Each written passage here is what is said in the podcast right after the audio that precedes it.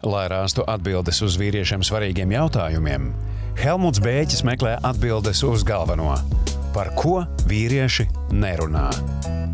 Kādam ir jābūt vīrietim, kā viņam jāizskatās, kas viņam jāprot un kā jāuzvedas sabiedrībā. Šos aizspriedumus gan veidojam, gan uzturam mēs paši. Sveiki, labdien visiem! Arī šo viesi, kā vienmēr, mēs esam nosvēruši, izmērījuši pēc Google. Pirmais no mūsu viesiem, kam ir divi vārdi, ko viņi atpazīst, abas divas meklē 500 reizēm. Gan Krivenčī, gan Jānis Krīvens. Par viņu pašu, kad uh, viņš ir uh, Wikipēdijā rakstīts, ka viņš ir reperis. Viņš ir uh, pasākumu arī vadītājs. Ja? Laikam ne Raidī- īsti. Lai, laikam, ne, laikam ne pasākumu vadītājs raidījumos. Jā. Viņš ir. Uh, bija rakstīts, ka produ, producents viņš arī ir. Uh, suņu saimnieks. Jā, taisnība. Uh, Rīktīgi, akti, akti, sociāli un, kā saka, aktīvs uh, čalis. Uh, jā, un baudvielu entuziasts. Un baudīja entuziasts. Bet, ja būtu pašam tev jāsaka reizes pa visām reizēm, kad uh, kā, kā būtu forši tev pieteikt, kad tev liktos, o, tas gan bija forši. Uh, Zini, es esmu, liekas, kaut kādas pāris reizes citās intervijās to teicis, un šobrīd uz sitienu man laikam nekas baigi būtiski dzīvē nav mainījies, ka primāri es identificējos ar reperi, un pārējās lietas man vienkārši sanāk.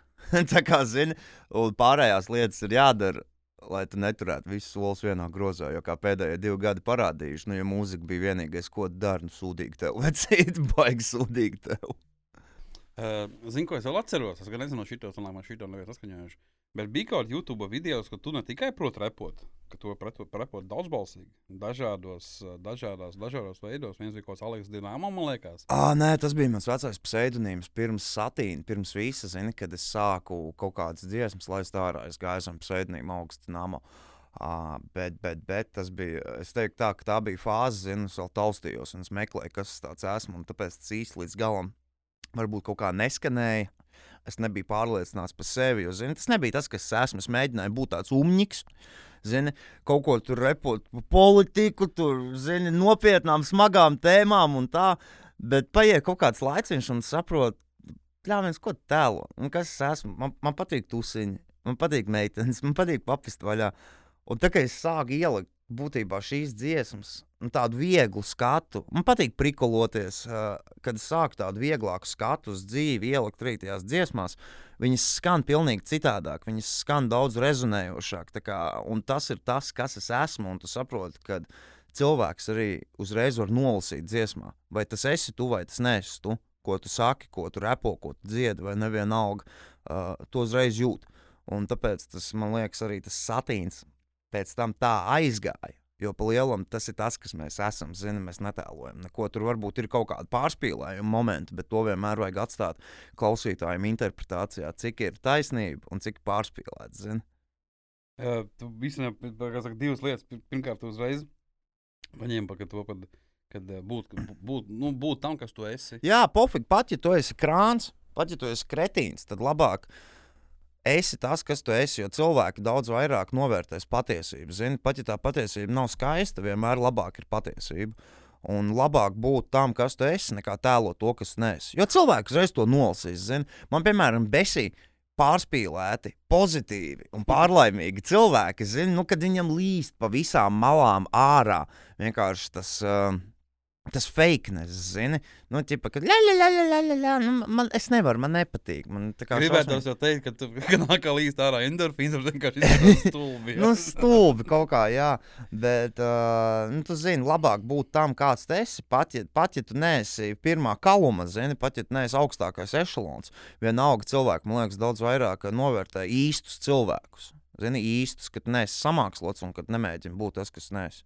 Man, uh, man pašam patīk teikt to, ka man ir viegli komunicēt ar visiem, ka es jūtu, lai ai vienalga, kas viņš tāds ir pēc āmata, tā, ka es tā visai cilvēks. Jā, jā, zini, kā ļoti, ļoti, ļoti skaisti. Es par to papildinātu. Es agrāk kaut kur šito arī biju teicis. Dienas beigās, kad tu ej gulēt, Atceries, ka mēs visi esam cilvēki. Tu neesi policists, tu neesi ārsts, tu neesi politiķis, tu neesi vai ne reperis, mūziķis, aktieris, eh, pārdevējs. Tu esi cilvēks, kad tu ej gulēt. Un tas, man liekas, ir svarīgākais, kas jāatcerās. Mēs visi esam cilvēki, vai ne? Mēs atliekam to visu malā, un tāpēc ir tik ļoti svarīgi novērtēt tādu īpašību kā cilvēcība. Jo, man liekas, zem cilvēcības tur nav tikai zini, pozitīvas īpašības, zini, kā palīdzība, empātisms.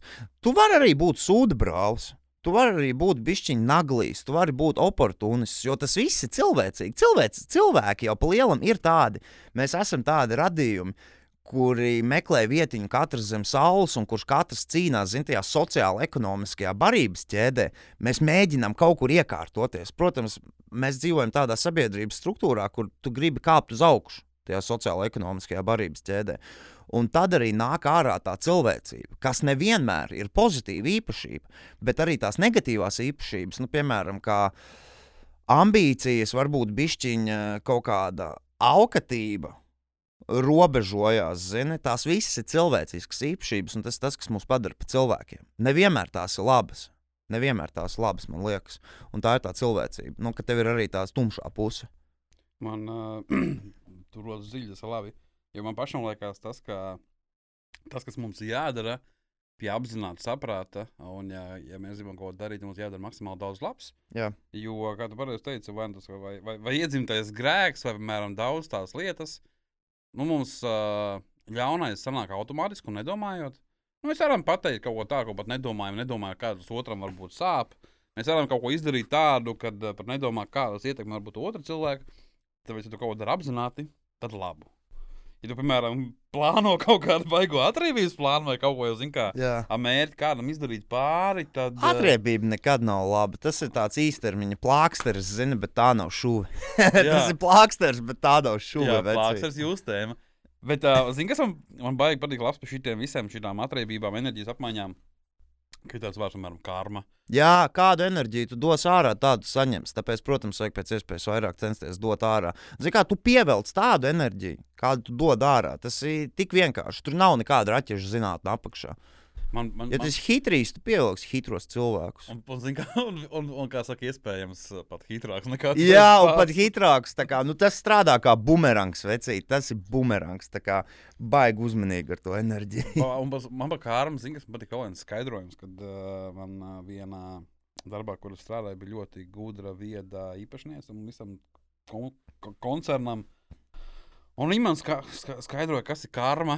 Mazliet savādāk viņa teica, ka karmas likums jau ir tas, ka uh, tu dabū atpakaļ to pašu, ko tu darīji. Tikai, ja tu darīsi labu, karma strādās ātrāk. Mhm. Ja tu strādās lēnu, karma strādās lēnāk. Un tā ideja kāda, ja tu, piemēram, šodien vienam iespēri, tad uh, tas, ka tev iespējas, ir skaidrs. Ja tu būsi labs cilvēks, tad šodien pat pūnu dabūs. Ja tu būsi, un, un tad tu va- vakarā mājās domā, vo, es no rīta tomēr tam iespēju, vakarā dabūju pretī, o, viss kārtībā. Uh, tu būsi tā kā to kārmu lēnāk sadarbinājis, tad tev, piemēram, tu kādam iespējas. Un tā ir brīdī, kad tu mazāk gaidi, zini, kā tā saulainā diena. Jā, jā, jā, tev vienkārši karma mašīna nošļaksta. Un domā, ap ko gan šis bija tas labs cilvēks? Karma kā- tieši tā arī strādā. Karma tieši tā arī strādā. Bet, zini, tajā pašā laikā es, es personīgi arī ticu karmai.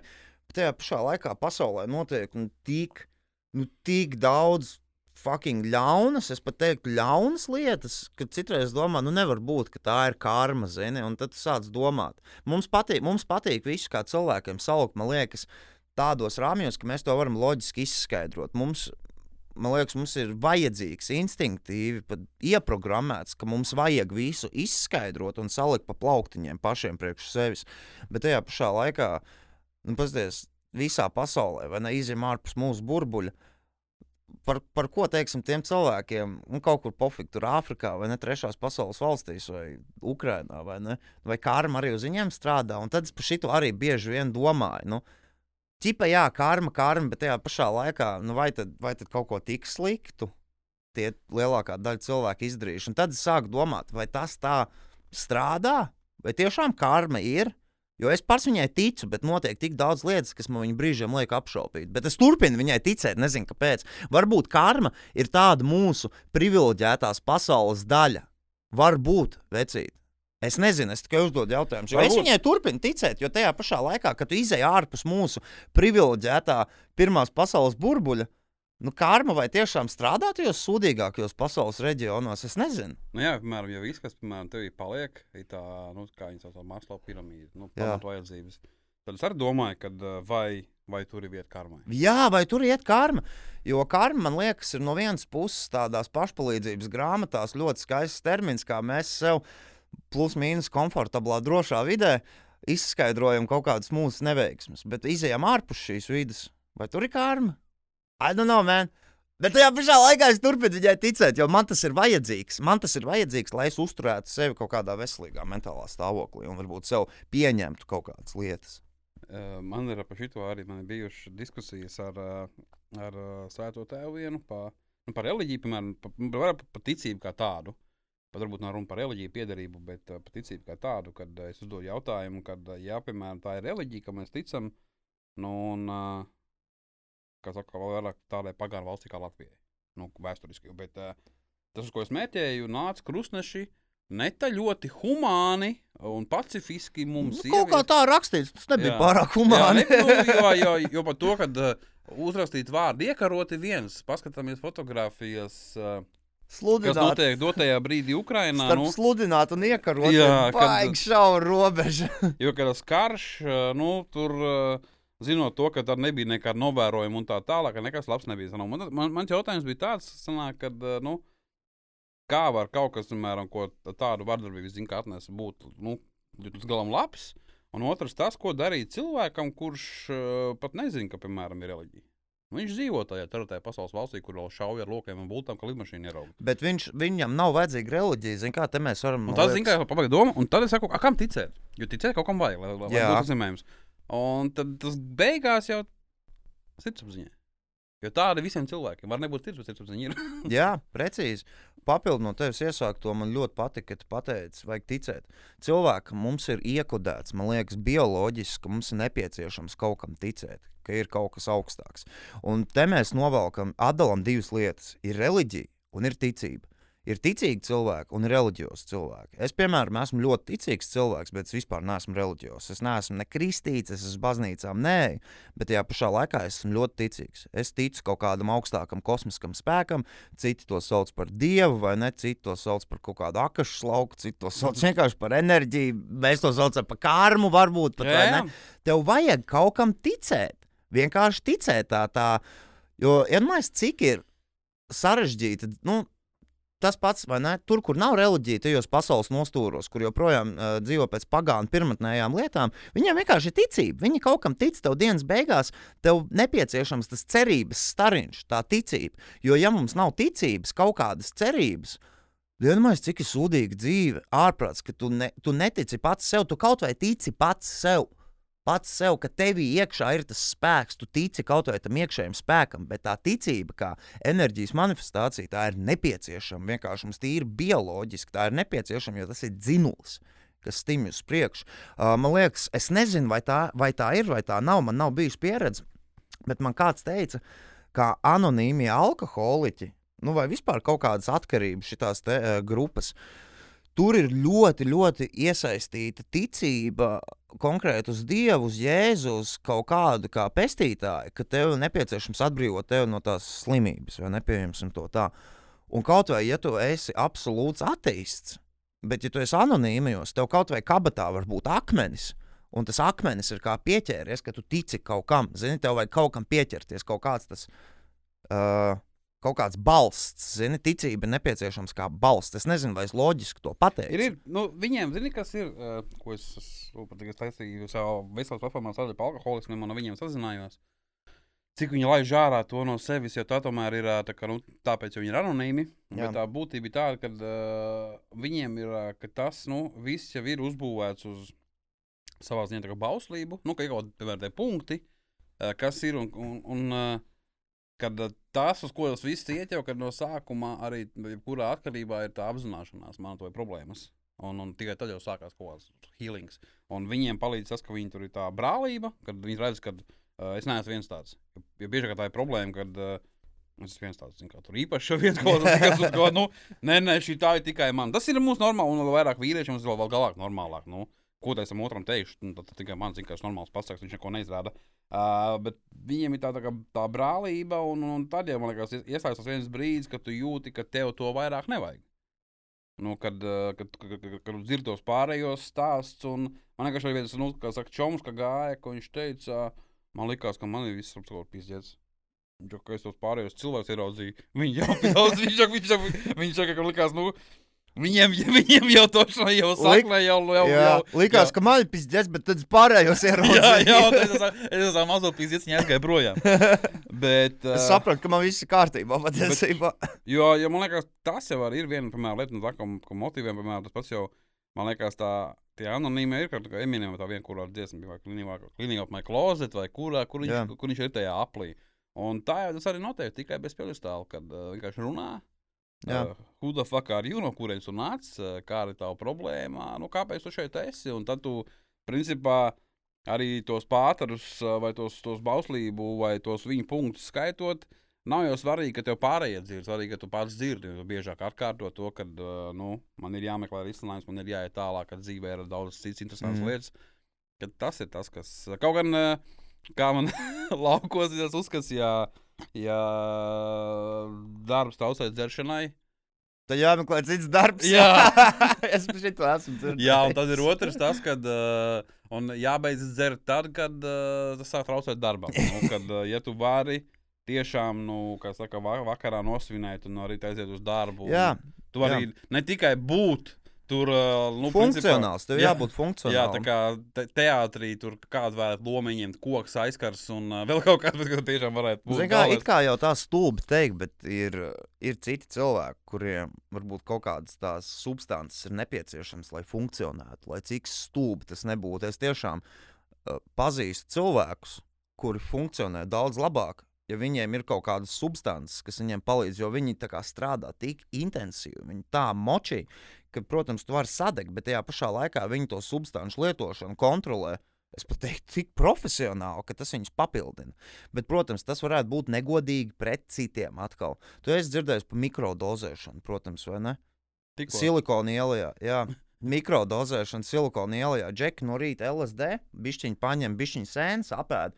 Un tad viņi izdomā "Vat tās tehnoloģijas, ko mēs tagad, aplikācijas, visu, ko mēs lietojam. Tas ir normāli. Viņiem tas ir tik, tas pat nav tabū. Viņiem ir tā, ka Ziniet, kā teiksim, daudz kur štatos ir demonizēta smēķēšana, tā brutāli demonizēta. Ir īpaši San Francisco, tā kā, kur ir viss šī te, uh, tehnoloģiskā kā, piramīdas pat, pati augša.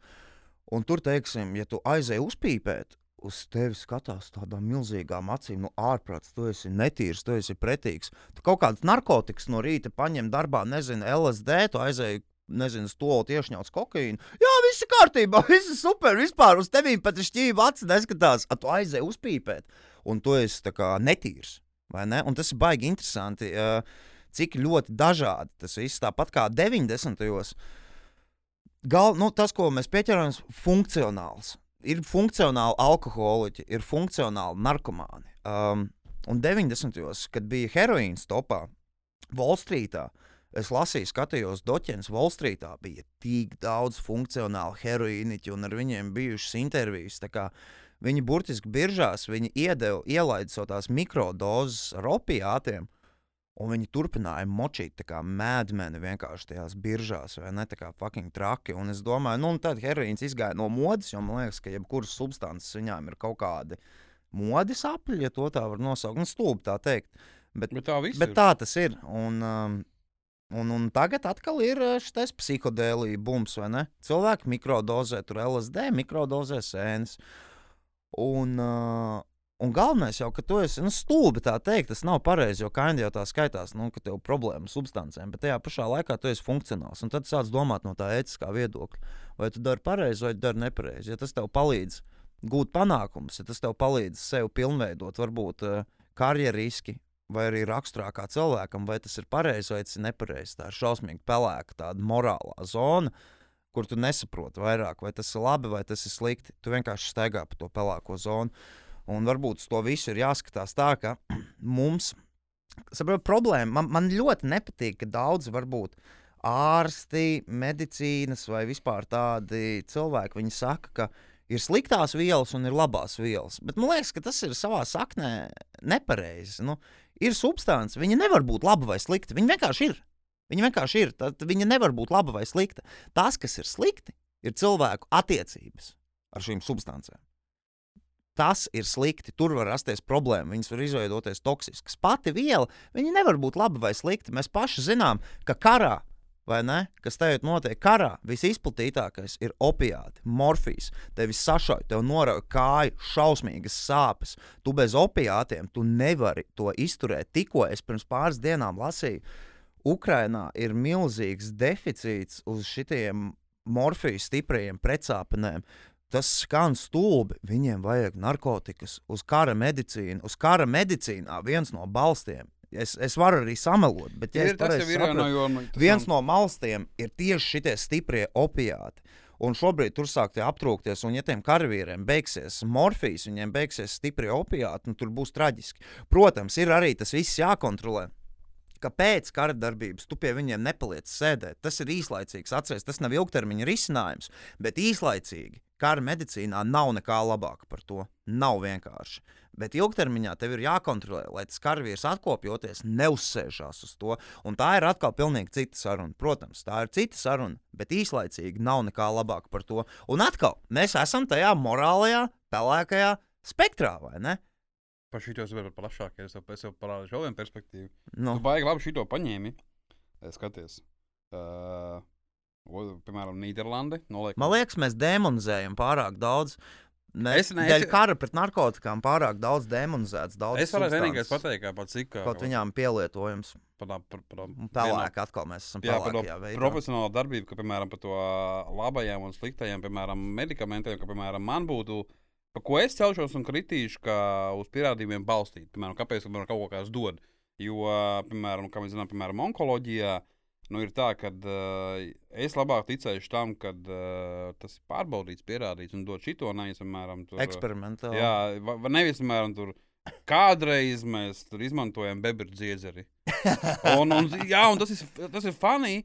Un vēl joprojām, kad es aizbraucu uz uh, vairākām vietām, ka man saka, ka, piemēram, ko darīt, uh, tas tur bebras dziedzers. Tagad tas jau ir smieklīgi, bet iedomājieties, ka sanāk, uh, pat cik tā medicīna attīstīsies, piemēram, no brīvās Latvijas, kad mums nāca jaunie onkoloģijas medikamenti un tā tālāk.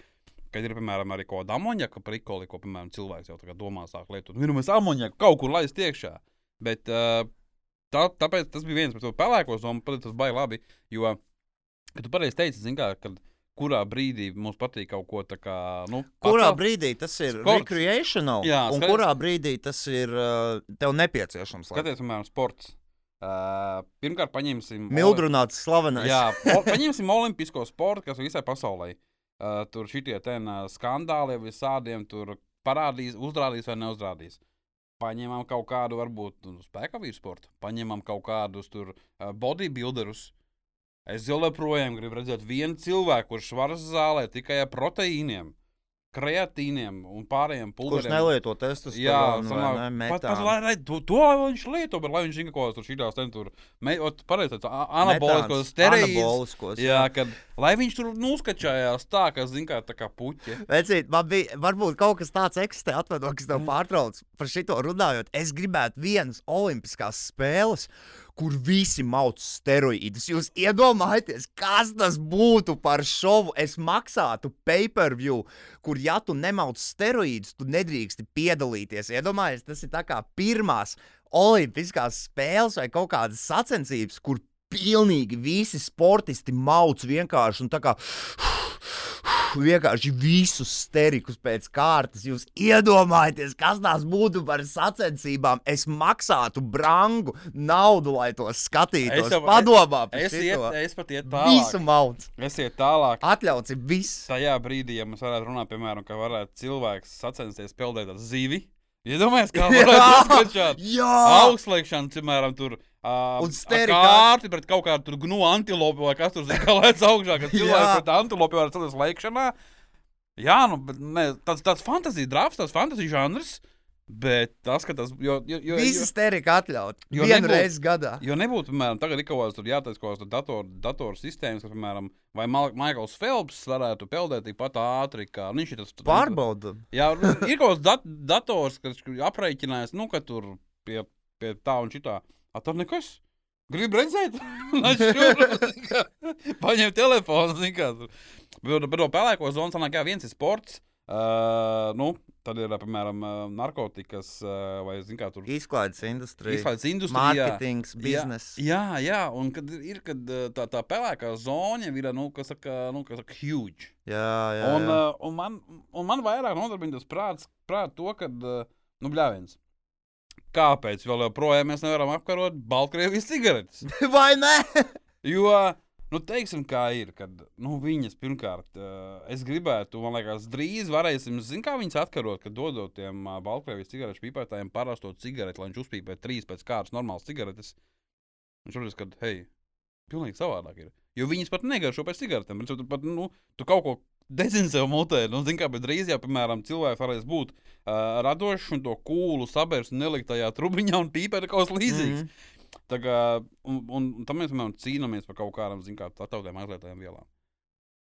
Ka Tas ir par to pelēko zonu, šis man baigi, ka tu pieskāries. Man, Zini, tas jau būtībā sākās, man liekas, tās sliktās, labās vielas, kā definējums, sākās ar ASV karu pret narkotikām, kad viņiem bija izgāja ārā no rociņa. Zini, kad sākās hipija revolūcija 60. gados pret Vietnamas karu, kad pirmkārt LSD un sēnes jau nebija aizliegtas substances, bet ar visu puķu bērnu revolūciju, kur protestēja, kur, protams, mauca visos šajos studiju kampusos LSD un sēnes, viņi saprata. Paga karš ir stulbs. Kā būtu, ja beigtu karot? Un tad vienkārši kriminalizēja LSD un sēnes. Pēc tam tālāk aizgāja kokaīns. eh, Jo tad, eh, lai gan tajā pašā laikā, nu, te, tu skaties tos narkotikas, tu skaties visu pārējo, un tu saproti, ka tas karš pret narkotikām ir ielaidis. Tur, tur ir tāda, tādas ziepes savārītas, ka būtībā Meksikai kartelim ir lielāks uh, militārais arsenāls nekā armijai. Un tu saproti, ka tajā brīdī problēma. Ja El Chapo vai kura tur vadītāja dēlu kartelis atbrauc, ielēns pilnībā, cie, pilnībā ielēns ar tādu militāro tehniku, kas nav armijai, nu, tad tu saproti, ka ir problēmas. Un štatos eh, pāris cilvēki nu, tā klusām runā jau pāris gadus, ka varbūt vajadzētu eksperimentāli kaut kur pierobežā legalizēt kokaīnu aptiekās un paskatīties, kas notiks. Jo šobrīd jau ir aizgājis līdz tam, ka tu nevari vairs apcīnīt. Visas tās pilnīgas narko valstis. Savu vienīgais veids, kā tu vari tās kriminālās organizācijas iedragāt, ir tad, ja tu viņām atņem varu, ja tu to vairāk uh, neuztaisi kriminālu, ka tu to pārņem būtībā valsts privātajā kontrolē. naturalizēt, kā viņi to Jā, jā, jā, un tas ir vienīgais. Nacionalizēt, jā. So, so tu skaties, nu jau, nu jau līdz tam. Un līdzīgi tā kā marihuāna tagad jau pakāpeniski sāka tikt legalizēta vai vismaz dekriminalizēta lielākajā daļā pasaules valstu. Pēc tam aizies kaut kādas psiholoģiskās vielas, un varbūt 50 gadi, un aptiekā varēs aiziet pēc kokaīna. Varbūt. Jo agrāk jau tā arī bija. 20. gadsimta sākumā viņš aptiekās tirgojās. So, Nezinu, kas, piemēram, kad, kad labi, ka mēs sēžam tikai šeit rietā telpā, ka man ar akmeni nemetīs, bet uh, tā ideja kāda, kad, uh, ok, nu nejauksim, kā saka, tur ka krānu ar duri rokturi, bet uh, tas pats, nu, kā varēja noķert uh, kaifu latvietis tur uh, tajos laikos, kad, nu, tur bija. Hugo Lasis. Uh, nu, tas sanāk, ko viņš darīja, viņš, nu, viņam bija tur kvieši vai mieži, viņš taisīja. Sēnes ir. Alu. Nu, ne, Ne. par to es nezinu. Tas nav. Nu, es nezinu. Varbūt. Bet, uh, nu, tad uh, gribētos, e, gribētos teikt, ka Melna tiešām, rutku vārīja. jā, tiešām šis, Rīģenes ēdas. vai, vai, vai šis latvietis vārīja to alu tā, lai būtu 5 grādi. Tad tu iedomājies, Jā, tad, tad tu iedomājies, ka ja viņš taisīja kārtīgi sienu talku vai kartupeļu talku, un viņiem viss bija jāvāc ar rokām, cik daudz bija tie cilvēki viņiem, piemēram, tajā talkā. Tad cik vidusmēram vecim vajag, kas sanāk, viņš uz katru, piemēram, kaut vai kasti alus. Mm. Tā kur viņam tās cisternas, lai to alu taisītu, tas, redz, ko es gribu pateikt. Ka tas alus simtprocentīgi nebija piesgrādīgs. Viņš bija tur sākot no kaut kā desmit, no, piemēram, no kaut kādas medaļas un tā. Viņš bija kārtīgi, zin, kā bliezējis, kārtīgs gāzēs, piemēram, tāpat dzimtenīt un tā tālāk. Un tad arī, piemēram, par to, par to ietekmi uz, uz, uz, uz, uz, uz, uz, uz to veselību vai tā tālāk, jo es kaut kur piekrītu tam, ka senie latvieši jau dzīvoja tur veselīgi, ilgi un laimīgi līdz 40 gadiem. Jā, jā, tā piebilda līdz 40 gadiem. jo, jo pirmkārt, viena, vi- viena tā darba slodze, jā, tur, piemēram, tur bija jāceļās, agrāk, un tur jāstrādā, un tur grūts darbs, bet arī par šito mērķēju uz to, ka, jā, nu, tas pats vēlnu rutks. tāpat, Drīģenes. Drīģenē, mušmirē. A, kā tā mēs zinām? Purva viņas- vaivariņa. Jā, kā tā mēs zinām, ka viņas ir sliktas vai labas? Jāpārbauda. O, piemēram, ā, tas pats ā, latviešu, piemēram, indi, indiāņiem bija tur savējās. Tas, ā, Ajavāska, mēs kā mēs. Viņiem bija tāds izdzinājums, zin, ka tie bum, bum, te tur tie, tie viņi tie šāmaņi. Nu, mums bija, zin, kā zāļu tantes. Bet, zini deva, kā, da, da, deva dažādas tējas un tā tālāk. Un, tā, es neteicu, ka viss, ko deva, bija tikai plasība. tu esi brāļu ābeļu baltu cilts redzējis Uh, filmu. Varbūt. Nezinu. Kur stāsti. brāļa ābeļu baltu cilts, viņi jau tur arī apskatīja, un tas ir viss vēsturiski taisīts un balstīts. Un, un, un, uh, ir pierādījums, senie latvieši, viņi ēda sēnes. Ja skaties, psiholoģiskās sēnes ar viņām tādu fantastisku īpašību, viņas aug visur pasaulē. Tepat Latvijā viņas arī aug. Ir meži pilni ar smailajām kailgalvēm. Un uh, viņas jāzina, kā izskatās. Bet ēda senie latviešu rituālos, pagāniskajos, viņi ēda sēnes, psiholoģiskās. Iesaku baltu cilts paskatīties, tas ļoti interesanti. Tur bija, tur nebija par to daudz, bet tas bija aizķerts, un tur to skaisti parādīja, kā tas aptuveni izpaudās. So, uh, nu, nav tā, ka mēs tur visi vainagdziņos vai ne vainagdziņos dejojām puguns, kur tas bija netīri, tas bija brutāli, tas bija sāpīgi, tas bija ļoti seksuāli, tas bija, es pat teiktu, uh, groteski perversi brīžiem. Zini? Nebija tā, ka Linu kraklos un vainagdziņos visi lēkāja puguns, kur, nu, iesaku pastīties baltu ciltus. Man vispār liekas, tas, ka makal manas spriedzelējums par tēmu, bet tas, ka tas līnu krekls ir reizes simbols tam, ka tagad nāc nomazgājies. Jo Latvijam sanāk, kā mēs runājam daudz par to, ka uh, svētdien uz baznīcu un pēc tam uz krogu. Un ka tas līnu krekls ir kā pēc pīrāts nomazgājies tīrs. Bet, ja mēs tīrām atpakaļ, no kā tad tev tā jāšķīstās, no kā tad tev tā jā, un ko tu visu nedēļu sastrādājis. Tāpat arī, piemēram, nu, tur namēji redzams, nu, beidzam glorificēt, uh, piemēram, tas pašs, es, es esmu kurzemnieks, kas saka, Mm. mm. kurš ir tur līvi un tā tālāk, tur kaigriezēji. Ja viņi humāni sagaidīja to kuģīti krastā, iesprūdīja morfiju kājiņā, un tad lēniņām tā uzasināja nazīti un nogriezta to kājiņu. Nu, un tad tos zābaciņus izžāvēja un izspratīja ārā. Humāni aizsūtīja atpakaļ visus tos, kas saka, iebrucējus ļoti humāni. Cilvēcīgi! Jā, tas ļoti aizsūtīja mamām, sagaidīja savus dēlus. Kad uh, ta, ta, ta, tas viss ir, zin kā, baigi glorificēts, kā, nu, kā tā, tā, tāpat kā daudz citas lietas. Ja aicinu tevi, es, kā saka, ir jāprasa Olimpiskais ķēlis, es, es, es vēlāk prasīšu, ko parunāt, ka ir sūdīgi, bet, nu, tomēr pāri bazars. Mm. Pēd, pēdējā pilīte. Mm. Tu esi ļoti skaidri pateicis, kā saka, ka, nu, patīk atlaist, patīk balēt. Kas ir labākais uz paģirām? Rīktīgi paēst kaut kādu trash food, fast food, ja godīgi. Kaut ko, kaut ko kas uzsūc rīktīgi to visu drāzu, ko tu uzņēmis iepriekšējā naktī. Bet patiesībā es neatceros, kurš man to iemācīja. Bet pēdējos mēnešus, citreiz, nu, ja tu zini, ka būs drope, es pirms gulētiešanas iedzeru divas oglītes un vienu ibumetīnu. Es nezinu, varbūt tas ir placebo. Es nezinu, varbūt tas ir placebo, bet kaut kā man paģirs ir uz 80% mazākas, kad es pirms miega iedzeru divas oglītes un vienu ibīti. Jo es saprotu, ka tā oglīte, viņa kaina uzsūc visu, kas tev vēdā. Un ja vēl nākamajā dienā tu forši no rīta paēdi tādas sātīgas, proper brokastis, super, nekāda problēma. Bet tas jau ir arī baigi atkarīgs no tava dzīves stila. Ja tu sporto un ja tu esi diezgan kustīgs un tev ir visi šie normāli enerģijas līmeņi, tev paģirs arī būs ievērojami krietni mazāks, jo tavs organisms ir pieredzējis labāk pārstrādāt to visu. Zini? Bet, ja tu esi mazkustīgs, tad paģirs būs daudz uh, smagāks. Ja viņas ilgāk turēsies tev iekšā, viss tas sūds, ko tu esi uzņēmis. Man vienkārši paģirs saprot, to, ja tu esi mazkustīgs, tad vismaz viņas tevī pakustinās. Jā, viņas tev pakustinās. Vai čālīt uztaisām balīt, jo es atceros kādreiz, kas uh, man bija viens no tādiem, uh, ne pat sapņiem, vienkārši kaut kāds dzīves, nu, ka es būšu bārmenis, tā izdomāju, man bija Andrija. Tā bija fāze. Tā bija fāze, ne, bet es biju, man bija Andrito, tas tā kā, kurš man centās to iemācīt, bet sapratu to, ka es esmu. Kafijas, Andrito. ne? Jā, kafijas un rīto, jā. Un uh, ne, es nebiju baigi talantīgs tajā visā. Un tad viņš teica, zin, kas ir Helmuts no visiem foršiem čaļiem jābūt bārmeņiem. Bet tad mēs runājam par paģirām.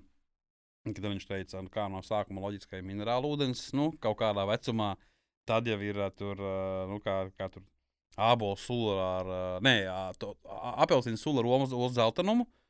"Nu, tad jau kādreiz tur, nu, nezinu, tur 100 gramiņā konīts. Viņš saka, bet, nu, ja ir iespēja, nu, tad iedzer aliņu no rīta.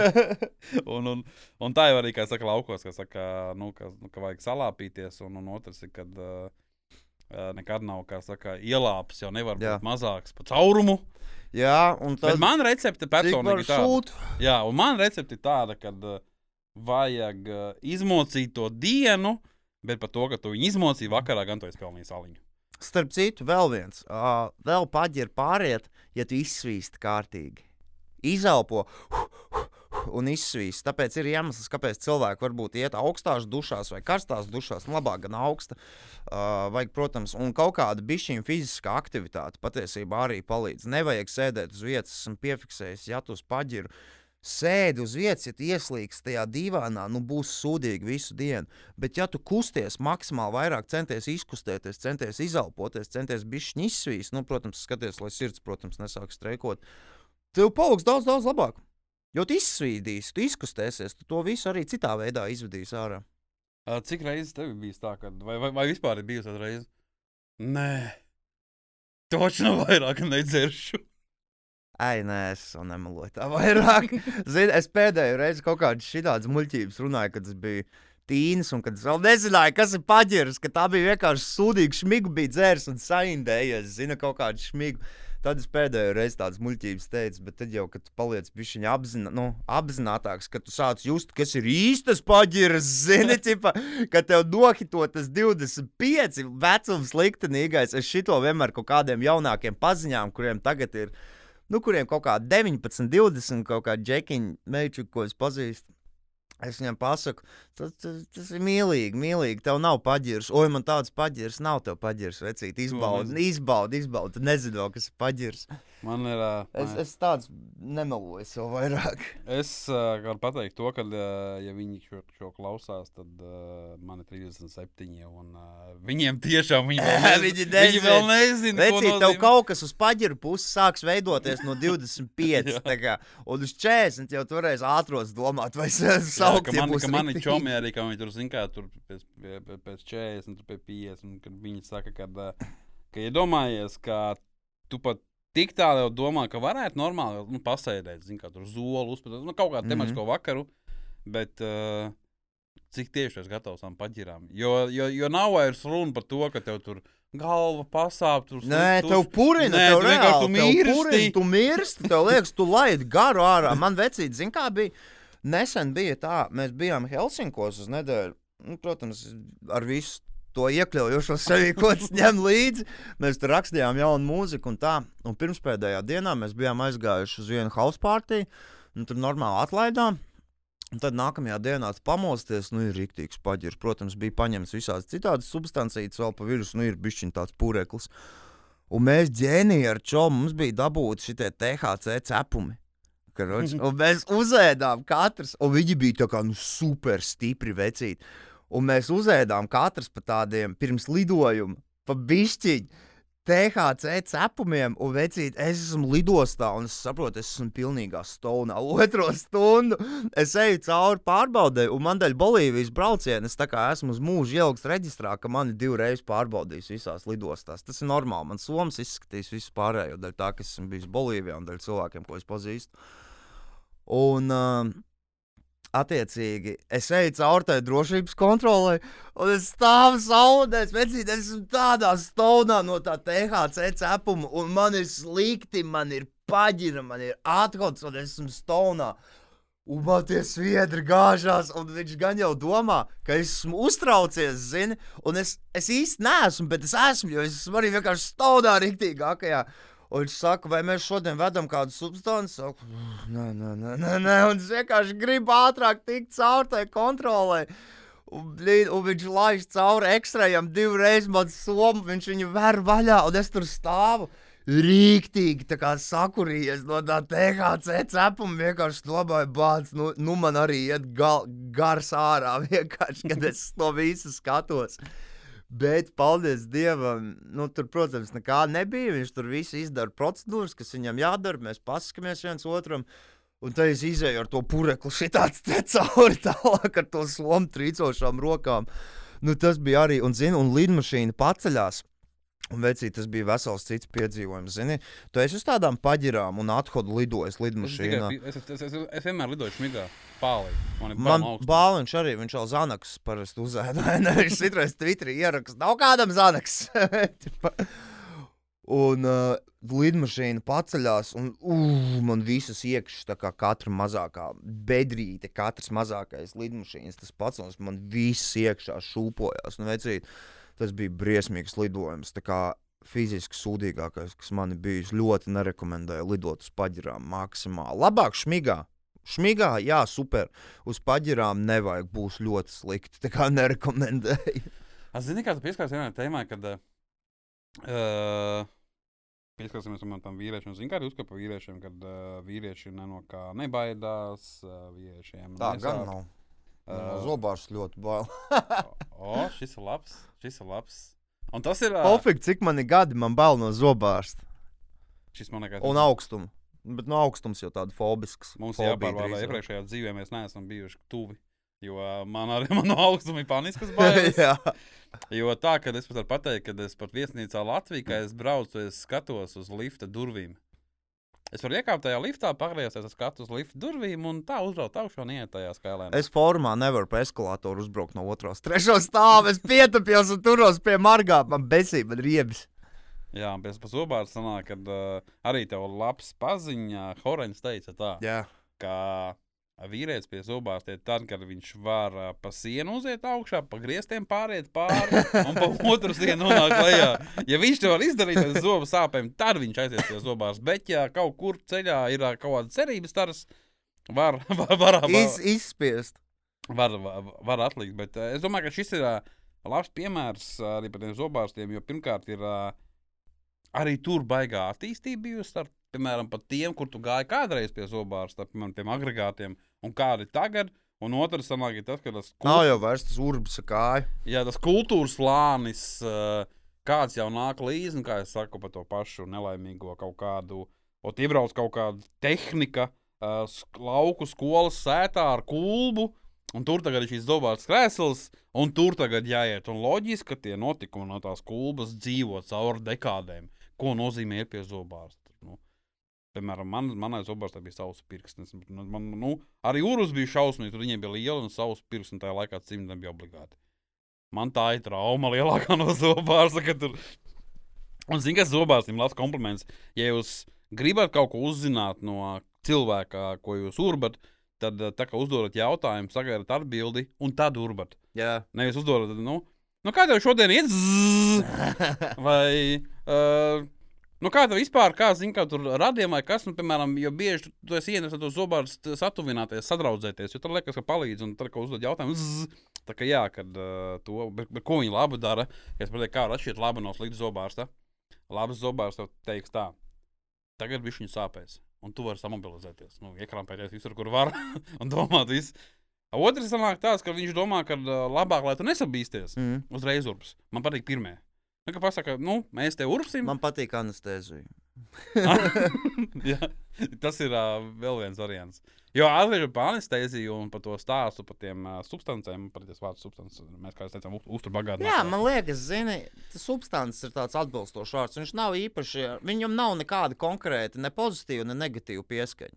Man patīk, tāpēc viņu lietot. Ja, piemēram, narkotikas, viņam ir kaut kāda negatīva pieskaņa klāta, kaut arī šokolāde un kafija arī narkotikas, alkohols arī narkotikas. Tas ir zem definīcijas. Alkohols ir tāda pati narkotika kā citas. Viņš ir zem kategorijas narkotikas.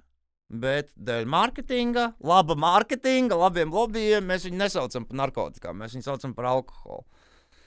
Bet īstenībā, zinu, kā es domāju, kad uh, tikko aizgāju, es domāju, ka Man patīk substance. Substance ir forši. Uh, es zinu, ko tikko iedomājos, atcerējos, un arī stēli, kad, uh, kad tu esi uh, par sociāli aktīvu, un es domāju, ja kādreiz būtu mērķis, piemēram, kaut ko tur uzlabot gaļas pārstādē.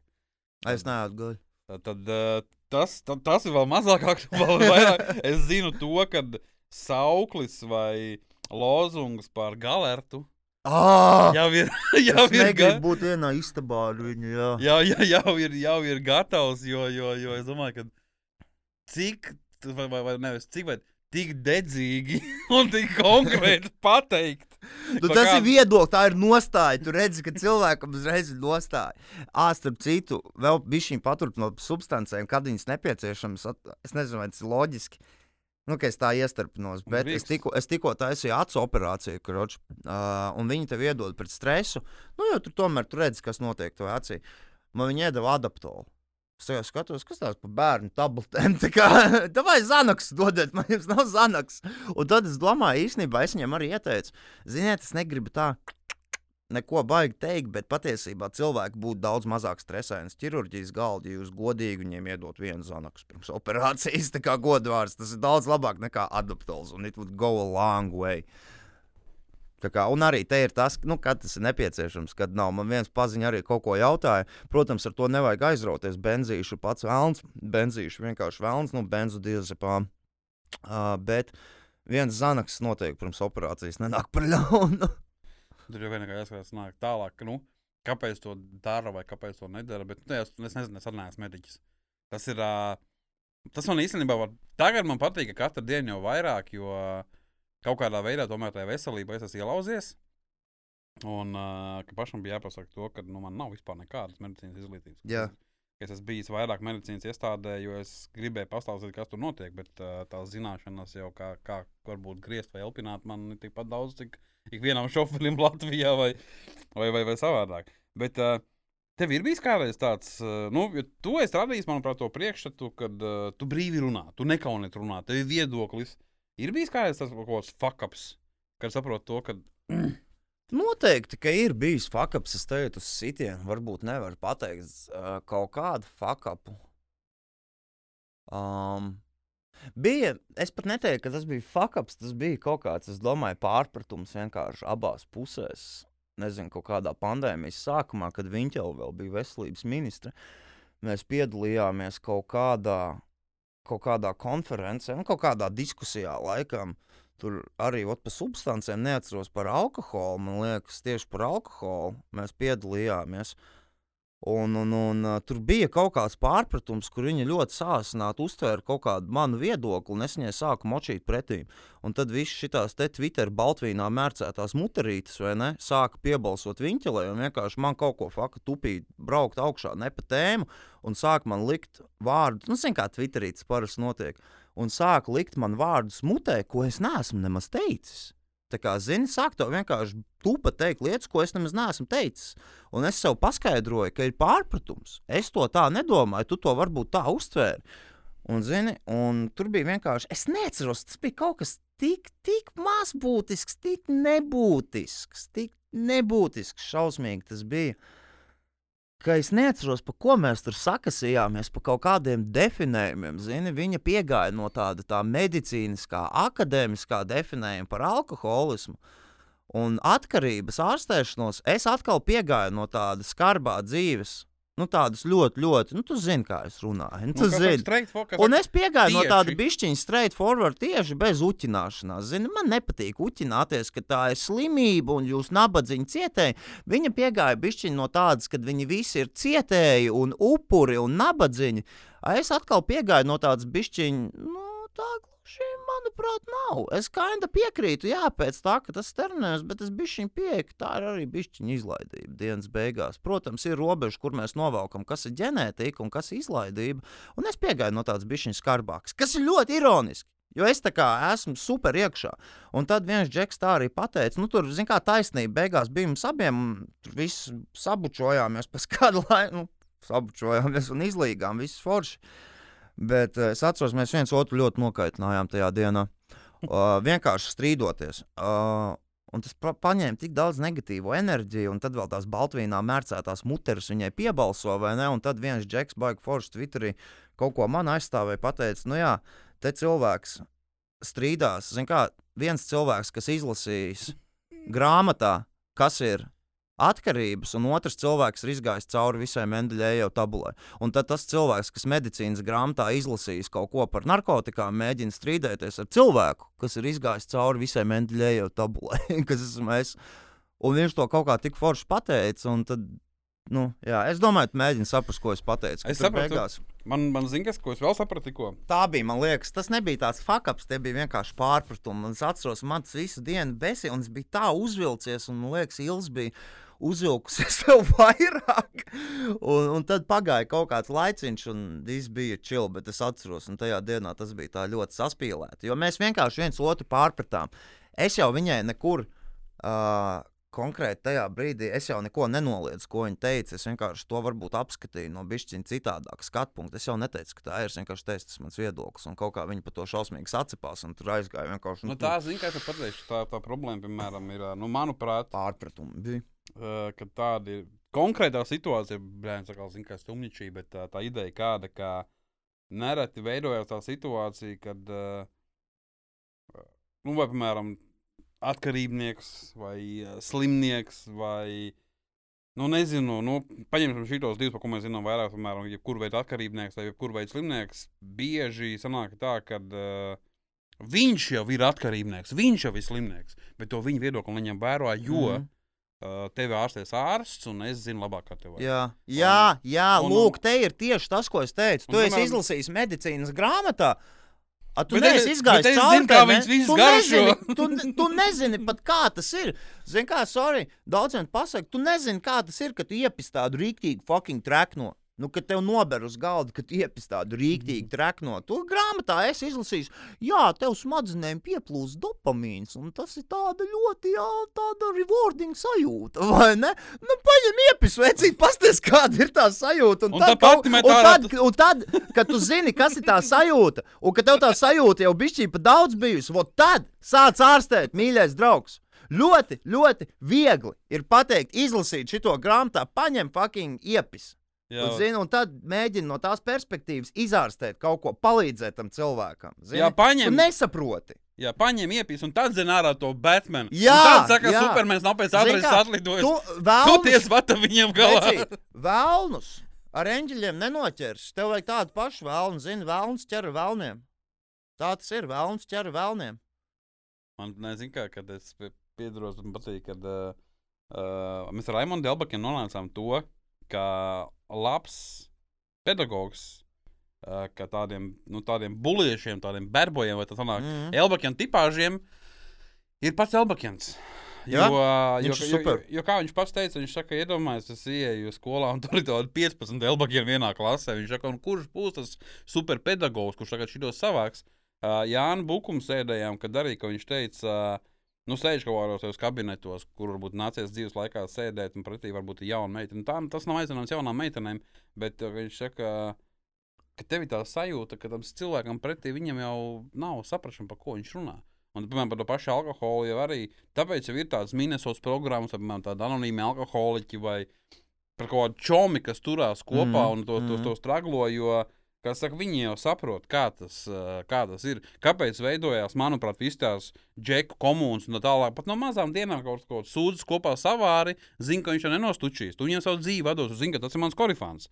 Tas ir mans čālis, zina, ka uz to es paļaujos, veidojās tas kaut kāds, tas, nu, man liekas, tas vairāk ārstē. Numur viens, Mm. un otrs ir tas, ka, uz, piemēram, patīk tā pozīcija, zina, par to alkoholu kon konkrēti, ka jebkurā gadījumā alkohols ir, alkoholisms ir slimība, bet uh, alkoholiķi nav nabadzīņi. Mm -hmm. Un uh, es ticu tam, ka visi alkoholiķi, kuri grib, lai viņus izārstē, kuri grib izārstēties, arī izārstējās.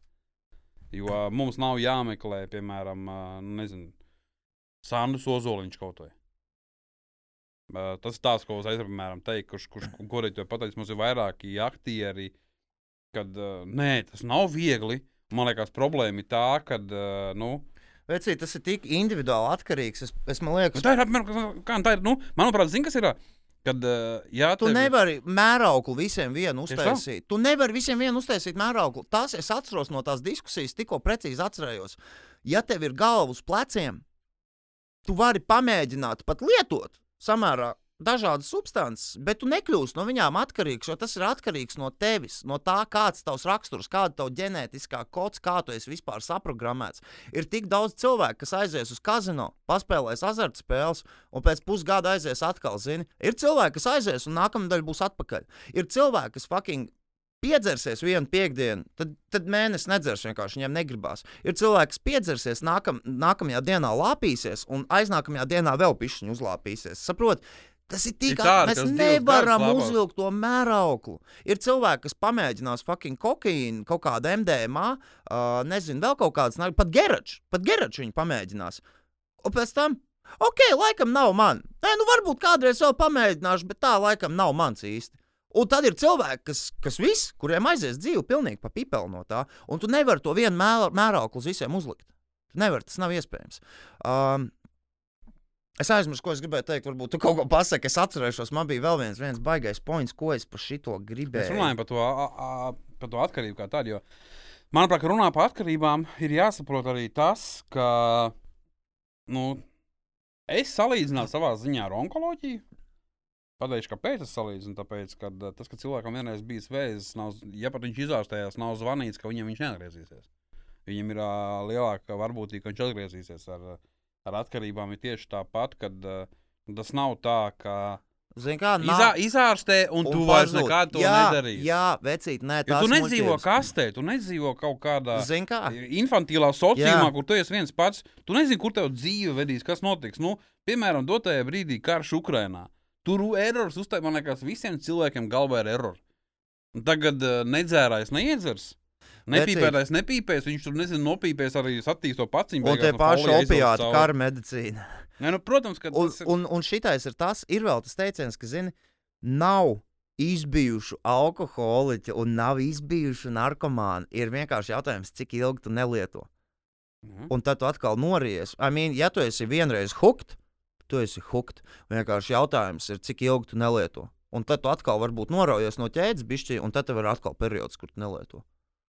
Jo, nu, man liekas, un, ka tas ir, ja mēs, piemēram, paietam pie šīm sliktām lietām, tad mums nesaprot, piemēram, kad ā, parunājam ar uh, motobraucējiem, veibrāļiem. visiem. Adrenalīns jau arī narkotika. Nu, sanāk, jā, un tad uh, es runāju ar Arnu Blodonu. Viņš teica, nu, Helmut, vai uzlikt tev uz moci. Es saku, es gāžos, katru reizi es roller krītu. Es vienīgais ar riteni nekrītu. Un tad viņš tāds saka, kā, nu, viņi jau dalās tikai divos veidos. Tie, kuri jau ir nokritījuši, un tie, kur vēl saka, bet krīt visi. Viņš saka, es pagājušajā nedēļā nogāzos. Un es domāju, bļaujiens veči, kāpēc jūs to darāt? Nu, jo es, ka man bija tāda pēdējā pārliecība. Dzīvot bīstami. Nē, protams, jā, bet manā skatījumā ir tā, ka es esmu no tiem cilvēkiem, kad uh, neteikšu, ka man adrenalīns nepatīk, bet uh, man nepatīk bailes. Un man viņš kaut baigi, baigi tuvu viens otram dzīvo. Un, ja man ir tā iespēja, piemēram, nu, uh, nezinu, man, man ir bail no augstuma. Ja Vai man tagad, fobiska piemēram, jā, man tagad ir. Uh, nu, man būtu kas jādara, jālaiž ar izplatni, jālaiž ar gumiju, lai pārvarētu savas bailes. Pasakiet, kāda vēlna dēļ man to darīt. Ja man, piemēram, bail braukt ar mociju un tā tālāk, man tagad būtu jāiemācās braukt ar mociju. Pasakiet, kāda ir sanāk, baidīties sevi, sanāk, kaut ko sev pārvarēt. A, kur tā būs tā man tā harmoniskā tā, tā, tā likziņa? Ja man, piemēram, būs, nu, es, es pat pieļauju, es ticu tam, ka, ja būs situācija X un būs jālaiž no lidmašīnas, es izlikšu ārā pirmais. Nopietni. Jo, jo tieši tāpēc, ka man ir bail, nu, ka es, piemēram, zinu, ko es daru. Un tajā brīdī sanāk, ka man nebūs bail no, no X situācijas. Man, man joprojām paliks bail tikai no augstuma. Man būs daudz, nu, kā, daudz mazāk bailes. Jo, nesanāk, ka tev nepatīk. Nu, kā, es gribēju pateikt to, ka, ja tu zini, kāpēc tu lec, un tu zini, ka tev jālec, Mm. tad tu lec nedomā, cik tu esi augsts, Jā. un tev jālec. Bet uh, lekt, uh, tu, piemēram, jo viens tāds, piemēram, man patīk lekt, nu, piemēram, ar, ar izplatni, un es tagad lecu. Un tagad sanāk, ir uh, pilnīgi pie pakaļ, cik tu reizes esi lecis, vai tev patīk vai nepatīk. Ir, kā saka, bišķi pamainījušies, kāpēc jālec. Nu? Tu leci, tu forši leci, no leci, tev nošaus. nošaus tāpat arī man, kurš nekad nav lecis. kā, Nu. Es mēģināju pateikt to, ka man nepatīk drausmīgi pašam meklēt kaut kādas bailes. Man ir vēl bail no tumsas. Ir. Man nepatīk tumsa. Ne tā kā bail, man uz nepatīk. vecu es, lai tev būtu bail Jā, man, ne, jo, ja ne, nu, man nepatīk, man vienkārši, nu, man, ne, man nepatīk uh, tumsā. Nav tā, ka izslēdz gaismu, man ir bail, bet uh, Man ir- viņa nepatīk. Arī. jā, Man ir kaut kādas gaisa. lietas, kuras tomēr izvairos uh, nedoties. Un es nu, izvēlos, kā sev tā kā neprovocēt, uh, tur tā kā Mm. būt, jo nu, man kā tas pats nākamais. Ja reiz sāku, un es pabeigšu. man drausmīgi kož visi kukaiņi. Nu, man, man arī ir. un, un, un, garšīgs esi. Jā, jā, jā redziet. Un, un ja, piemēram, man uh, tur, nezinu, tur, ja ir jāiet izdzīvot mežā, lai sadzīvotu ar kukaiņiem, Tā kāda vēlna dēļ, ja es tur varu neiet. Ja situācija man saka to, ka vienīgais, kur tu vari dzīvot, ir mežs, tas, tas maina ļoti, ļoti Cilvēks daudz ko. spēja ātri pierast pie lietām. Tas ir apbrīnojami, cik cilvēki ātri pierod vienkārši pie lietām. Mēs esam tāda, tāda suga, kas var tik ļoti ātri adaptēties vienkārši savai videi. Pasties, piemēram, aiztaisījās visas kafejnīcas, visas pieradām. Tagad viss ir atvērties vaļā. Pieradām, visi, zin, tas pat nav vairs jocīgi. Man tas tagad liekas tik normāli. Atkal, zini, atceries, visi domāju, nu nezinu, kā būs, kad, zini, ķipa, atkal būs vaļā viss un tu aizies basēdēs. Trīs dienas, visi pieraduši, viss ir normāli. Tev pat nav vairāk nekas tāds, ka tie ir kafejnīcā, visi galdiņi pilni, viss foršs notiek, dzīvība, kustība, super. Tas zini, kā es salīdzināšu, kad ir kādreiz nu, kaut kādi tādi, ot, nu, laikam jau draugi vai kaut kāds tāds, nu, nezinu, tur solmē, tāds čoms, tu ar gadiem viņu neredzēt. Un tu viņus attiec no tās timelapses. Vienkārši liekas, Jā. ka vakardien mēs atvadījām, jā, jā, jā, satiekamies. ir tāda, ir Pa starpi kādu tur bērnu, kādam sadzimuši, vai vēl kaut ko Tas tikai nav notic- svarīgi. Jā, un, un tad atkal kaut kas izšķirās, un tad liekas, nu jā, nesen tur parunājām, tikai zin, kā, pusgads pagājis. Bet par šī tēmu, ko es jau nepabeidzu, baigi svarīga tēma. sanāk, kad- Kā tev liekas, uh, kas, kas ir uh, rīktīgi vīrišķīga rīcība? Uzņemties atbildību. Man liekas, tā ir, tas ir visvīrišķīgākais, maskulīnākais, ko dara. Un tas var būt uz jebko, bet, zini, tev vajag uzņemties atbildību. Pastāvēt par uh, to, ko tu dari. Vienalga, ko tu dari. Ja tu dari sūdu, atbildi par to sūdu, tu uzņemies atbildību. Nē, es tāds, kas bāž galvas miltīs, es jau nezinu. Ja tu kādam kaut ko pasaki, tu stāvi par to. Nebāz galvas miltīs un nemēģini atmazgāties, ka tu to neesi izdarījis. Uh, uzņemties atbildību, tas man liekas arī vispār nāk par rakstu. Nu, vienalga, uzņemies atbildību par savu rīcību. Vai vārdiem, vai par uh, darbībām, jeb kādām. Ziniet, kā man, mēs čom bijām par to runājuši vispilgtāk. Šitā nespēja uzņemties atbildību ir uh, novērojama kaut kādās korporācijās. Visi grib labāku oficiālu, visi grib labāku algu, vai ne? Visi grib tur uzslavas, bet neviens nav dab gatavs dabūt pa galvu par to. Bet tev maksā kaut vai uzņēmumos par to, ka tu uzņemies atbildību. Ok, principā rekurs zem tevis ir visi šie cilvēki. Mēs viņiem nedirsīsim virsū. Tu esi atbildīgs par viņiem. Ja būs huīņa, mēs tev dosim pa kaklu, vai ne? Un lielākā daļa cilvēku nav gatava, ka uz viņiem sarāja, ka, uz viņi, ka viņus konfrontē. Būtībā tu aizēji pie priekšnieka un tevi konfrontē par sūdīgiem rezultātiem, un tev lepī. Tev lepī, nelepīs tiem izpildītājiem, lepīs tev, jo tu esi atbildīgs par viņiem. Un lielākā daļa cilvēku, īpaši, kas pārsteidz, pārsteidzošā kārtā sievietes, ir daudz, daudz atbildīgākas šajā sfērā par vīriešiem. Daudz atbildīgākas. Lielākā daļa vīriešu, es nezinu, nespēja uzņemties šo atbildību. Un uh, pofīgi, ko tu izdari? Tev ir jāuzņemas par to atbildību, vai tas ir labs vai tas ir slikts. Tev jāpastāv par to. Tas tev padara, man liekas, par vīrieti. Un tādā ziņā daudz sievietes, pat korporatīvajā vidē, ir daudz lielāka vīrieša par, siev, nu, par, par uh, vīriešiem. Man liekas, ka viens ir, no saku. Bet tagad mēs zinām, ka tuvojamies varbūt tam, kas saka, pirmās sezonas, tur saka, izskaņai, zinām, kā mums būs 20 sērijas. Un, uh, kaut kur jau bija tas jautājums, ka mēs tiešām varēsim ar kopā viesiem atbildēt uz to, ka tāds uh, arī sieviete var būt vīrišķīga un uh. Latvijā sievišķīgs. lielākā daļa sieviešu ir vīrišķīgāks par vīriešiem. Manā pagaidām pieredzē. Un arī, kā saka, arī vīrieši var būt sievišķīgi. Un es domāju, es domāju, ka es atradis, zinu, kur ir problēma. Tas, ko mēs saprotam, ka. Uh, Kas ir vīrišķīgs un kas Jā, ir sievišķīgs? jo, ja, piemēram, ka pasaka, ka nu, tas ir sievišķīgs vīrietis, mēs sagaidām, ka viņš uh, nevis būs balerīna, bet staigās balerīnas uh, kleitā. Un, nu, un no Vai arī viņš apnē, vai viņš pie spoguļa no rīta pirms mājas iziešanas vienkārši sakop savu seju, kas ir normāli. Jā, kas sanāk, nu, ja sanāk, jā, rūpes par sevi, atšķirībā no narcisma. jā. Bet tur, kā saka, vispār nav nekāda saistība zin, kā ar Jā. sievišķību, bet tajā pašā laikā kaut kāds tāds.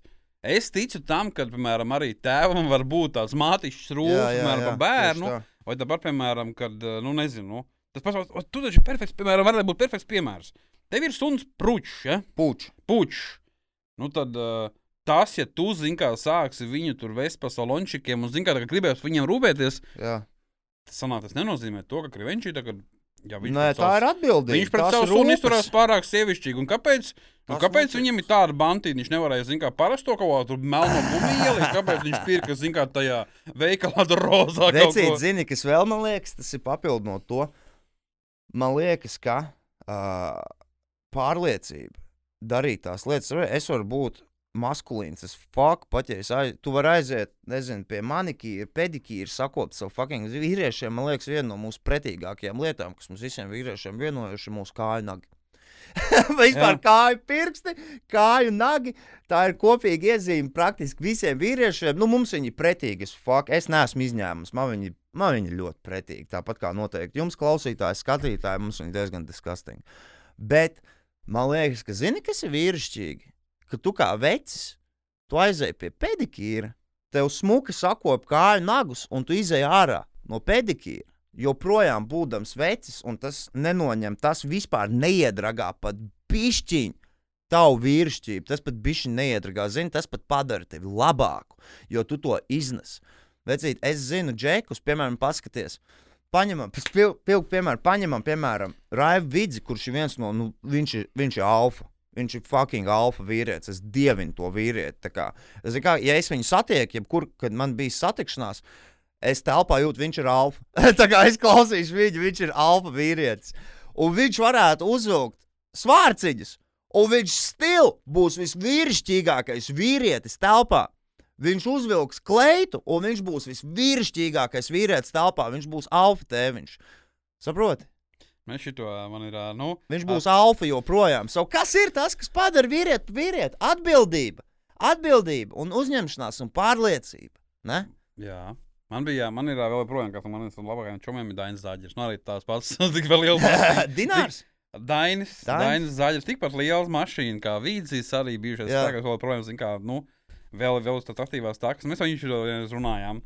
Ir, nu, zin kā, tur uh, uh, praids, tur pētpraid, pārpraid, geji un viss. Un tad es viņam stāstu, ka es runāju ar vienu no šiem uh, vadītājiem, mozaīkai. Un viņš man kaut kā tā, viņš saka, kā, nu, tas jau, kurš, piemēram, nāk pie mums, piemēram, hetero, ja viņš ir drošs par sevi, no kā tev baidīties? Lielāks runā, kāpēc kāds sauc, zin, kā tu tur pīderās, tur gejs, ja tu esi drošs par sevi. Tu kaut ko sevi apspiedi. Jā. Tādā veidā. Tas ir teica, esmu es saku, teicis. Daini, mums arī jāiet gājienā, bet nu, Tu kaut ko godīgi. mēģini pierādīt, ka tu neesi. Jo, Jā. jo zini, kā tas ir aizdomīgi. Jo vairāk, tu, zini, kā visvairāk uztraucās tas, kurš nopirdās. So, teorētiski, vai tas, ka tu ar savu ļoti homofobismu, tu mēģini mums kaut ko pateikt, tu mēģini kaut ko ļoti izsvērt, zini, tipa, Jā, un- tāds un Tas. Daini teica, saku, večukiņi, mums arī būs jāiet.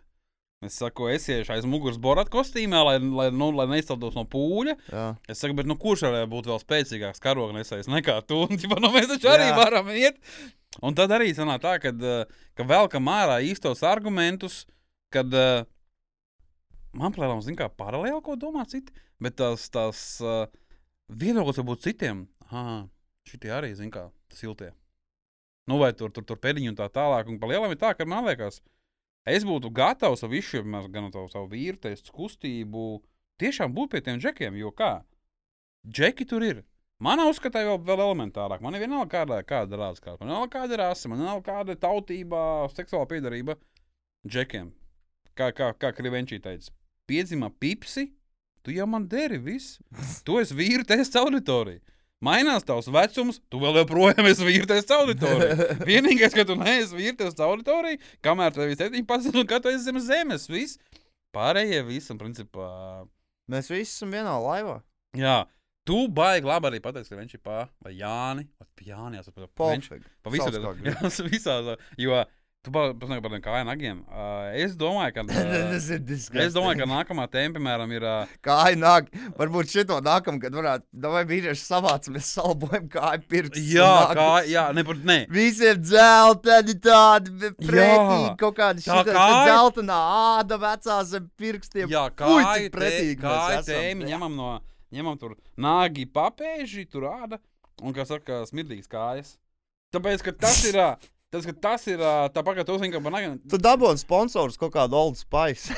Jā, jā, mums jau tas, kad tā feature sanāk kāda loģiska, ka es pieduršos, tu piedursies, vēl kāds atnāks, Mm. bet Cik daudz, cik daudz tie mazie preteklīši, kā vīrieši, ja, līdzīgiem mums, par to negribēs runāt, bet noklausīsies. Un varbūt tiešām, zin, kā mums izdosies kaut ko sakārtot tajā kājas kopšanas kultūrā. Jā, nu vajadzētu. Nu, Džek, man liekas, ir jau, nu, cik tūkstošus gadu cilvēks eksistē. Es domāju, mēs joprojām, kā vīrieši, kāju, nagu Un vispār kāju nagu ziņā, es domāju, mēs neesam evolvējuši kopš mēs ugačaka, ugačaka, tā kā fucking alās bijām ar rungām viens otram klopējām pa galvu. Mēs neesam tur attīstījušies. Viss pārējais ir gājis uz augšu, bet tas joprojām ir iestignējis. Tā kā varbūt vajadzētu tur Labs, es, es, es, es, es, es šī noteikti, kā saka. Es Mārtiņam Daugam teicu, tā kā mēs runāsim par depresiju, Mārtiņu, to es tēmā. Tā kā mēs runāsim par kājām, krienčī. to es tēmā. Jo zini kā, teikšu, kā ir. Uh, nav, rupsakot, sūdīgākais reģions, ar ko sākt. Es sāku ar urģenatālu rajonu, es sāku ar, es sāku ar locekļiem un sēklniekiem. Kā sāku ar kājām. Jā, Galīgi ok, simpli. Zipelēm, zicelēm, bet tas kuram tuvāks? Vēl sanāk, ka tu pateici, piemēram, par vīriešiem, ka kā tev liekas, kas ir jāprot katram vīrietim? Divas, divas, trīs lietas. Spējams, vienu laikam. Ņem vienu. Viņam jābūt uh, patstāvīgam un neatkarīgam. Jāprot būt patstāvīgam un jāprot būt neatkarīgam. Otrs, kas jāprot vīrietim. To var uztvert dažādi. To var uztvert gan materiāli, jo mēs dzīvojam tādā sabiedrībā, kur finanses ir nepieciešamas, un, lai tu justos labi, tev ir nepieciešams šie resursi, kurus tu vari tērēt uz sevi, uz savu tuviem cilvēkiem, uz vienkārši dzīves kvalitātes uzlabošanu. Ja uzlabojoties dzīves kvalitātei, tev uzlabojas arī veselība. Tev uzlabojas gan fiziskā, gan garīgā veselība, uzlabojoties tavai dzīves kvalitātei. Ļoti bieži tas iet roku rokā. Un, lai uzlabotos dzīves kvalitātei, tev ir jābūt patstāvīgam, tev ir jābūt neatkarīgam. Elementāri šī tas Ļoti vienkārši. Es to negribu sarežģīt. Tas ir ļoti, ļoti ko. Jo par lielam akal mēs atgriežamies pašā, pašā podkāstu sākumā. Mēs runājām, ka mēs visi šeit meklējam vietiņu tajā sociālajā, ekonomiskajā barības ķēdē, kur mēs būsim. Un mēs visi gribam kāpt uz augšu. Protams, ilgtermiņā. Nu, Kaut kāda pārlieku liela tā grindošanas kultūra nav baigta labā garīgajai veselībai, bet mēs dzīvojam tur, kur mēs dzīvojam. Nepatīk ej dzīvot uz meža, vai ne? Tev neko no tā nevajag, bet kamēr tu esi šajā sabiedrībā, kamēr tu esi zobrats šajā mašīnā, tev ir jāpild šīs zobrata funkcijas un jāmēģina tikt labākā pozīcijā. Esi patstāvīgs, esi neatkarīgs, lai uzlabotu savu dzīves kvalitāti, un uzlabojoties dzīves kvalitātei, tev uzlabosies arī attiecīgi tava veselība. Pavisam vienkārši. Tu varēsi atļauties labāku medicīnisko, uh, medicīniskos pakalpojumus, tu varēsi atļauties labākus. Ja tev nav naudas, tu nevari pat normāli pie ārsta aiziet. Nu? Tu nevari. Ja tev ir nauda, tu vari aiziet pie ārsta, tu vari aiziet uz izmeklējumiem, tu vari vitamīnus lietot, tu vari, uh, tev, tev krīt mati ārā, tu fucking vari lietot dārgus vitamīnus no Zviedrijas, tu vari veikt matu implantācijas. Vis, ka- vis, kas tikai nav? Wow! Kas tikai neeksistē? Paskaties uz šitām tupas stulbas piemērs. Vienkārši nu, tā stulbi ir. Mēs dzīvojam sabiedrībā, kur tev ir vairāk naudas, tev ir labāka pieeja dažādiem medicīnas pakalpojumiem. Tā tas ir. Tas ir stulbi, bet tā tas ir. Nu, nebūs utopija, kur visiem zāles pa brīvu uz visu izdalīs. Tā nekad nebūs. Tā nebūs, diemžēl. Vēl večukiņi. Laba, labs, ko mēs esam, es domāju, ko, ko esam izlaiduši, ir uh, kādreiz ir tā, ka ir sūdīgi. Nu, ir tā, ka, uh, kā tev liekas, ir jārunā tādos brīžos? Ir jārunā. Ir jārunā. Nedrīkst turēt to sevi. Paliks tikai sodīgāk. Tas ir jālaiž ārā. Jo, zin, Ar kā, ko tu runā? Tev nav vajag vārdu uzvārdu un adresi. Citreiz ir pūčs. Ļoti bieži man tas tā ir palīdzējis. Es citreiz izraudos, man pūčs guļ uz krūtīm. Es izraudos, es viņam visu pastāstu, man paliek labāk. Nopietni. Cool. Pilnīgi vienkārši. Atrod kaut kādu čomu, ja tev mājās ir dzīvnieks. Zini, kā tas tāds. Jā, labi, tur raksts dzīvnieks, tev nesaprot. Dzīvnieks saprot, dzīvnieks nolas enerģiju. Ja dzīvnieks nolas, ka tev ir sūdīgi, dzīvnieks tev būs blakus. Tas ir tieši tik vienkārši. Un es izraudos, es pastāstu pūčam. Un varbūt viņš nesaprot vārdus, bet viņš saprot, ko es jūtu. Mēs viens otru jūtam. Tas ir. Uh, man liekas, ka tas ir runā, kad. Uh, Uh, kad, uh, nu, tā kā nezinu, tur ķepams ir raidījums, bet, uh, Mīlu to raidījumu. jā, bet, uh, nu, tu esi, nu, šajā, šajā, šajā tēmā, tu esi, nu, dzīvnieku tēmā, kad uh, man, pateikšu godīgi, tavs kolēģis Edgars Bāliņš, es neesmu viņa baigos daļradas cienītājs, bet tas, ko viņš pateica, viņi beidzot šito reperu ielika aiz reizēm par dzīvnieku brīvību. Jā. Ir viens no viņa labākajiem vispār. Tas bija ļoti labi. Beidzot aiz restēm, Jā, beidzot tas reperis ir ielikts aiz reizēm. Un tad tas bija rītīgi, rītīgi, rītīgi ņirzīgi. Un Man, man, jo man rītīgi, zini, kas patīk, piemēram, kad uh, tas, tas fenomens, kad uh, tas varbūt, uh, ko es teicu arī Fiņķim, ka grūtāk bija tiem reperiem, nezinu, kad tur sākās viss Latvijā, tur fact grupa, un tad tur, zini, kā Mhm. dalīšanās, jo no viņiem pirmkārt bija, neviens pat neļāva būt viņiem pašiem, Mhm. Un tas viņa viedoklis bija sanāk, kaut kāds, nu, viņi varēja tikai runāt ar saviem sekotājiem, jo, nu, kā, nu, tie ir reperi un tā tālāk. Dotajā brīdī reperis varētu būt kā profesija, to Ro- Rolands Jā. Čēzins kā pateicis, man liekas, no pirmajiem, ka, nu, es esmu reperis, Jā, man tā ir profesija, ka jūs tagad varat runāt, un tajā pašā laikā arī, kad uh, pateikšu paralēli, tā kā Gustavs pateica, zin, kā tur vidēji manā dziesmā aptuveni tur 500 Jā. vārdi birst, ja, un, uh, atceros, ja, un, un, un, un, un, un tad tas tur arī palika. Uh, jūs šajā pēdējā albumā, Stonks, ja, uh, man liekas, Edvards tajā dzied to, ka, uh, nu, jūs gribat mūsu kultūras namā, zināt, kā strādāt. Jā bērniem, tā ir mēs- viena no viņa viskrūtākajām Jā. rindām. Es pateikšu, kāds bija. Tā ir viena no viskrūtākajām, un tā ir tāda patiesība. Mēs to tā nesaprotam. Vispār no, or, no pasākuma organizatoriem mēs vispār šito nesaprotam. Jau gadiem mēs, uh, mēs piepildām ar dziesmām par dragiem, mēs piepildām klubus jau gadiem, bet mūs sauc parunāt ar bērniem uz kultūras namiem. Un mēs šito vienkārši nesaprotam. Mēs repojam nu, rīktīgi par narkotikām ļoti daudz. Mēs repojam to, ko mēs dzīvojam, ko mēs pazīstam, kas ir mums apkārt. Mēs esam no tādas vidas. Un tajā pašā laikā, jā, varbūt jūs varētu atbraukt, parunāties ar bērniem, uh, kaut ko pastāstīt, zini, par izdošanos, iešanas augšu, par ko, par to, kā mēs papušam vaļā, bet divas dienas pēc kārtas, ko jūs gribat, lai mēs viņiem pastāstām. Mēs nevaram, nu, lūdzu, apzināties. Un mēs arī jau sen, jau ilgi, mēs vairāk neuzstājamies. Uh, tādos jauniešu pasākumos, nu, kas ir tupa zem 18, mēs vispār neuzstājamies tādos. Mums tas ir no ētiskā un morālā viedokļa nepieņemami, kā arī tagad pēdējo, pēdējo gadu mēs skačājam savus pravus, ka mēs uzstāsimies tikai pēc 9 vakarā, no 8 vakarā ar izņēmumiem kaut kādiem, pēc 9, 10 vakarā, un mēs neuzstājamies tādos zem 18 pasākumos vispār. Jo man zina, kas liekas, man rītīgi interesē. Kad eh, es, es arī būšu laikam viens no tiem, kas kā nu, novecojuši kopā Singapūras attīņķis, turēties kopā. Uh, jo, piemēram, kas, piemēram, kā jūs sākāt, nu, piemēram, paskatieties, zina, kā jūs to sākumu. Tagad, kā ir aizgājis, ka, zin, ka jūs esat kultu grupai, vai esat, ka, zin, ka jau, var savēlēt cilvēkus tur uz augšā, ka tur viss lēkā. Un, vai, piemēram, būs tas viens, piemēram, e, e, gribētos, lai jums ir tāpat tā kā grupai kasta. Nu, kad arī, kad uh, nu, viņi, kas saka, jauni, Mm. Un tagad vēl projām, ka viņi sanāk visi Tā kopā. ir. Jā, ka viņi sanāk visi Uz kopā, tik un tā viņi izbliež ārā no kaut kā tādu, ka tu jūti, ka nu, tur ir tā dvēselīte. Bet tas, ko gribēju teikt, ka, ka dzied līdz tam, ko tu dzīvo. Jā. Ka nav tā, ka tu, kad pats minēji, piemēram, savu pirmo, tur, piemēram, to skatos vārdu Aleks Dinamo, Jā. tur umničī kaut ko. Kaut ko tur, rumjis, politika, kaut ko tur mēģina, akcijas, kaut, kaut pateikt, kaut Un, ko. un, un galvenais, ka tu jau nesaki neko sliktu, tu saki, ka aktuāli, bet tu neko nerunā, ko tu saki. Tu neko nedarbi, tu to nesaproti. Tu neesi tu nesaproti, ko tu saki. Kā, kā saka, man patīk, kad uh, amerikāņi kā saka, fildis, filmī. Nē, vispār es tevi nejūtu. Nu, nav nekādas filmas, tur nav nekāda, nu, ne, nekas neventilējās. Bet tas, ko viņš ir no garo man monologā, kad uh, kā augs Singapūras satīns, kad jūs, zināt, paliksiet vecāki, ka jūs mainīsies arī jūsu, kā saka, followers, sekotāji, viss. Kad, kas jau būs, kopā jā, mums. jā, kas būs, zināt, tās nākamās tēmas, uh, nu, kā Nu, pēdējā albumā ļoti daudz par attiecībām. Ir.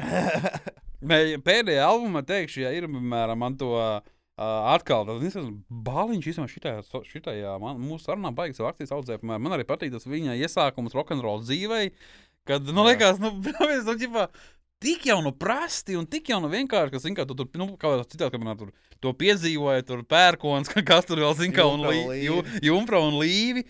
Tad liekas, Es nezinu, ko piedzīvoja Pērkons, Junkas un Līja. Bāliņš arī nepiedzīvoja, bet tas ir mūsu kultūras slānī, nāk līdzi Jā. tā filma, vai viegli būt jaunam, atmiņa. visi, jā, kad, wow, un, un, un tas liekas, nu, nu krūta. Un kas sanāk, ka tas no jūsu, zin kā, varbūt. Perspektīva. Jā, jā.